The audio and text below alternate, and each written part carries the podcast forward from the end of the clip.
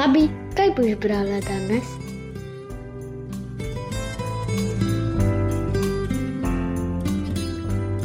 Govoreče drevo. Pred davnimi časi je živel kralj, ki je zbiral najredkejše zanimivosti iz vsega sveta.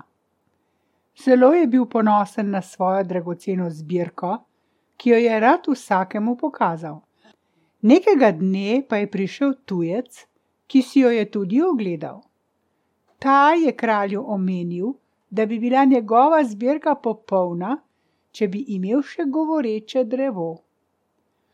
Od tedaj kralj ni imel več miru. Razposlal je sle in oglednike na vse strani sveta, da bi našli govoreče drevo. Toda vsi so se vrnili praznih rok, ker niso ničesar slišali o govorečem drevesu. Kralj je ukazal zapreti tujca, ker je mislil, da se je z njim ponorčeval. Nisem kriv, da vaši služabniki niso našli govorečega drevesa. Pošljite jih še enkrat in najbolje iščejo, se je branil tujec. Ali si ti sam videl govoreče drevo? ga je spraševal kralj. Videl sem ga prav s temi očmi in slišal s temi ušesi, je pokazal tujec. Kje? Ne spominjam se več točno. Prepotoval sem mnogo sveta, je odgovoril. In kaj je reklo drevo, je zanimalo kralja. Dejalo je: Čakati in ne dočakati ubije človeka. Kralj je verjel tujcu in ga izpustil. Zopet je razposlal svoje služabnike po svetu, ki so se čez leto dni prav tako vrnili praznih rok. Kralj se je tako razjezil, da je ukazal tujca znova zapreti v ječo. Vendar se je tujcu v drugič posrečilo prepričati kralja, da ni kriv. Tako se je kralj odločil, da gre sam po svetu iskat govoreče drevo. Preoblekel se je v navadnega potnika in hodil iz kraja v kraj in iz dežele v deželo. Neko noč je prišel v samotno dolinico. Ulegel se je na tla in objel ga je spanec. Prav tedaj je zaslišal jokajoč glas, ki je tožil. Čakati in ne dočakati ubije človeka. Kralj se je usedel in napel ušesa ali je morda le sanjal? Čakati in ne dočakati ubije človeka, se je zopet oglasilo. Kdo govori tu? je razburjeno vprašal kralj. Toda nihče mu ni odgovoril. Vse je bilo tiho.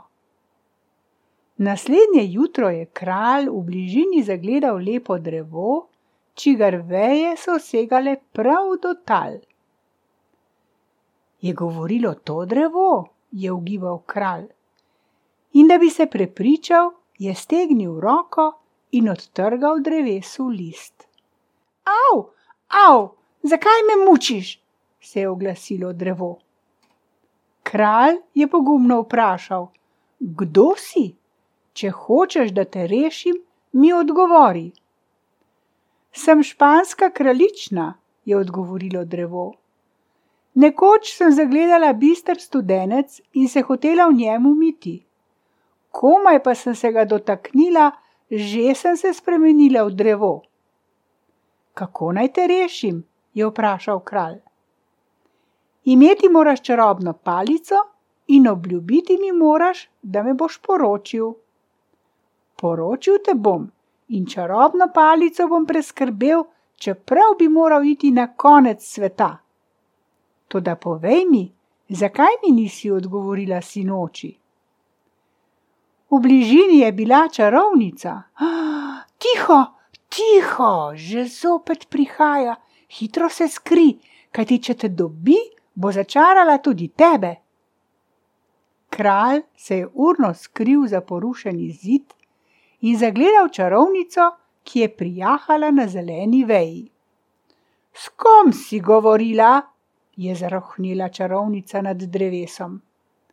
S hladnim vetričem. Tu vidim stopinje. To so tvoje lastne stopinje, se je skušala zakleta kraljična izviti iz zagate. Tedaj pa je čarovnica vzela železno palico in z njo začela tovči po drevesu. Lažeš, lažeš, je tulila in razgetala okoli drevesa. Aj, aj, kako boli, pusti me, pusti me, je zajokalo drevo. Kralj je videl dovolj. Zmuznil se je iz skrivališča in odhitel iz doline, ker je hotel čim prej dobiti čarovno palico, da bi z njo rešil zakleto špansko kraljično. Noč je legla na zemljo in tako je kralj zgrešil pot, ki je vodila skozi temen gost. Zlezel je v krošnjo nekega drevesa, ker se je bal, da bi ga raztrgale divje zveri. Sredi noči je zaslišal oglušljivo lajanje, ki se je vedno bolj bližalo. Bil je velikan, ki se je vračal domov s svojimi psi, ki so lajali in se prerivali med grmovjem. Ko je velikan prišel v bližino drevesa, na katerem je bil skrit kralj, se je ustavil in pričel ovohavati zrak okoli sebe.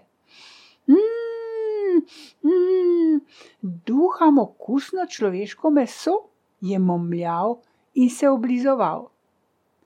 Kralja je obšla groza, ko je slišal lajajoče pse po goščavi in videl, kako vohajo po tleh, kjer so bile njegove stopinje. Na vso srečo je bila temna noč, da ni mogel velikan ničesar videti. Očel je po svoji poti in psi so drli za njim. Jej, jej, jej, je momljal. To bi se mi prileglo sedaj človeško meso. Ko se je zdanilo, se je še vedno trepetajoči kralj odpravil na pot in kmalu srečal lepo deklico. Pokaži mi, prosim, pravo pot iz tega gozda, jo je prosil. Kako si le mogel tako zelo zaiti? Vsak čas bo prišel tudi mimo moj oče, ki te bo živega pojedel, je dejala deklica. Iz daljave se je zaslišalo lajanje velikanovih psov, ki so se hitro bližali. Kralj je bil prepričan, da je sedaj po njem. Pridi sem in vrzi se na tla, ga je hitro poklicala deklica. Sedla bom na tvoj hrbet in moje krilo te bo zakrilo, nič se ne boj. Koma je deklica zakrila kralja, že je prišel velikan in jo vprašal. Kaj delaš tu? Počivam, je odgovorila. Tedaj je velikan začel vohati po zraku in dejal: Voham človeško meso. Da, da, tudi mimo je prišel neki deček, ki sem ga pohrustala s kostmi vred, se mu je prav debelo zlagala njegova hčerka. Ko je velikan odšel, je kralj zaupal deklici, in ji povedal, kdo je in zakaj je šel po svetu. Če me hočeš poročiti, ti bom jaz dala čarobno palico, je rekla velikanova hči. Dal sem že besedo španski kraljični, ki je začarana v govoreče drevo, ji je odkrito srčno odgovoril. Oh, kakšno smolo imam, je zastokala deklica vendar ga je peljala domov in mu izročila čarobno palico.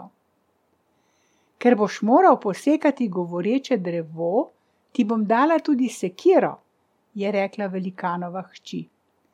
Vzela je sekiro iz kota in jo namazala z mazilom, ki je bilo v rdeči posodici. Namazala sem sekiro, da ti bo šlo delo hitreje od rok, se mu je prilizovala. Kralj se je zahvalil in odšel. Srečno je našel pot v dolinico, kjer je stalo govoreče drevo. Ko je prišel do njegove hladne sence, ga je drevo ogovorilo. Pozdravljen, kralj, Vidim, da imaš vse, kar potrebuješ za mojo rešitev. Čarobno palico imej vedno pri sebi, da ti ne bodo škodovali v roki zlobne čarovnice. Toda zapomni si dobro, v deblu je skrito moje srce.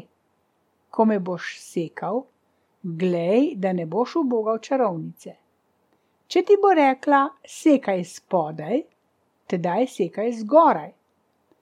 Če bo hotela, da boš sekal zgoraj, pa vsekaj spodaj.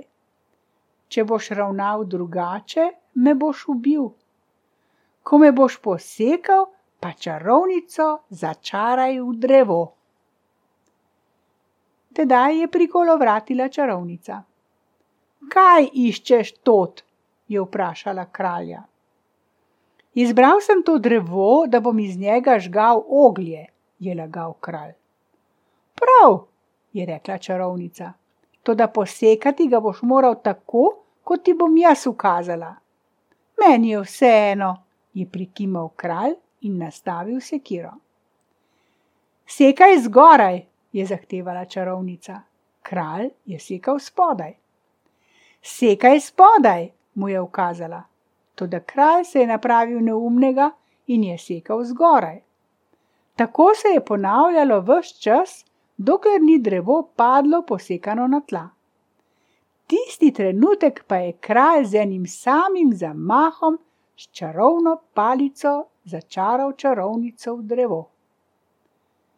Ko se je ozrl, je videl, kako je iz drevesnega debla stopila tako lepa deklica, da se mu je kar zableščalo. Kralj je prijel rešeno špansko kraljično za roko in jo odpeljal v svojo deželo, kjer so pripravili vse za slavnostno ženitovanje. Sredi priprav pa so kraljičine dvorjanke zaupale kralju, da je španska kraljična ob dotiku vedno trda kot les. Ministri so zmajali z glavami in odsvetovali kralju, da bi jo poročil. Kralj pa je takoj uganil, da ga je ukanila velikanova hčerka, ko je namazala sekiro s posebnim mazilom. Hotela se mu je maščevati, ker je ni hotel poročiti. Z isto sekiro je vsekal po mesu, ki so mu ga morali prinesti, in glej, meso je postalo trdo kot les. Ukana za ukano, je vzkliknil in se s sekiro na rami vrnil v gost k velikanovi hčerki.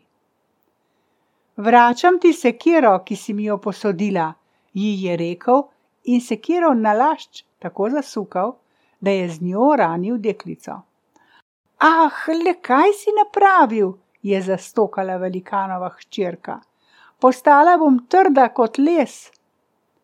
Kralj se je na videz začudil in hitro vprašal: Ali nimaš nobenega zdravila proti temu? Imam, je odgovorila. Odpri omaro in vzemi iz bele posodice olje, s katerim me potem namaži. Čez nekaj dni bomo zdravila. Kralj je urno stopil v komari in previdno spravil stekleničico v žep. Velikanovi hčerki se je samo globoko priklonil in urno smuknil skozi vrata. Izdajstvo, izdajstvo, je kričala velikanova hčerka in nagnala pse za njim. Kralj pa je bil hitrejši od njih in je srečno prišel domov. Kraljično so namazali z oljem, ki ga je kralj prinesel od velikanove hčerke. In že čez nekaj dni je bila španska kraljična zdrava. Nedolgo zatem so bobni in cimbale naznanjale, da je kralj poročil špansko kraljično.